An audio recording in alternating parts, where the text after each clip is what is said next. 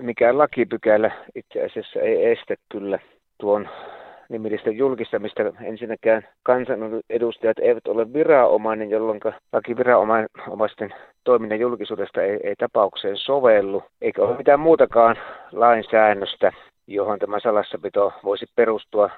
Näin ollen kyseessä ei voi olla rikosasta tarkoitettu salassapito-rikos. No sitten minä pohdiskelin, että voisiko siinä olla yksityisyyttä loukkaava tiedon levittäminen, mutta sekään ei oikein tässä tule kysymykseen, kun tässä nyt ei ole kenenkään henkilön yksityiselämän piiriin kuuluvasta tiedosta kysymys. Ja toisekseen vielä kysymys on poliittisesta vaikuttamisesta, joihin ei ylipäätään sovelleta tätä yksityisyyden suojaa siinä, siinä mielessä, kun sitä vaikkapa henkilön, kohtasi asioihin sovelletaan.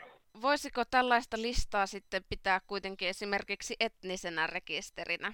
Se on eri asia, jos siitä muodostuisi henkilörekisteri, niin silloinhan voisi ajatella kyllä, että se, se joka sitä johonkin tallentaa tällaisen rekisterin, niin häntä sitten voisi koskea nämä tietosuojasäännökset. Toki tuo on ihan hyvä, hyvä näkökohta, että kyllä tällainen nimilistä ihan hyvinkin voisi olla, olla niin tuota, tästä henkilötietolainsäädännössä tarkoitettu henkilörekisteri, jolloin sen laittaminen nettiin varmaan sitten ei olisi enää laillista. Kyllä näin, näin ajattelen, eli siinä, siinä vaiheessa kun se laitetaan sellaisenaan se lista nettiin, niin silloin, silloin saatetaan olla jo sillä rajoilla, että se on, on tietosuojalainsäädännön vastainen menettely. Se on hyvin valitettava, jos kansanedustaja on, on tiennyt, että nämä allekirjoittajat eivät ole halunneet nimeä julkistettavan, jos hän on sitten julkistanut tämän, tämän listan.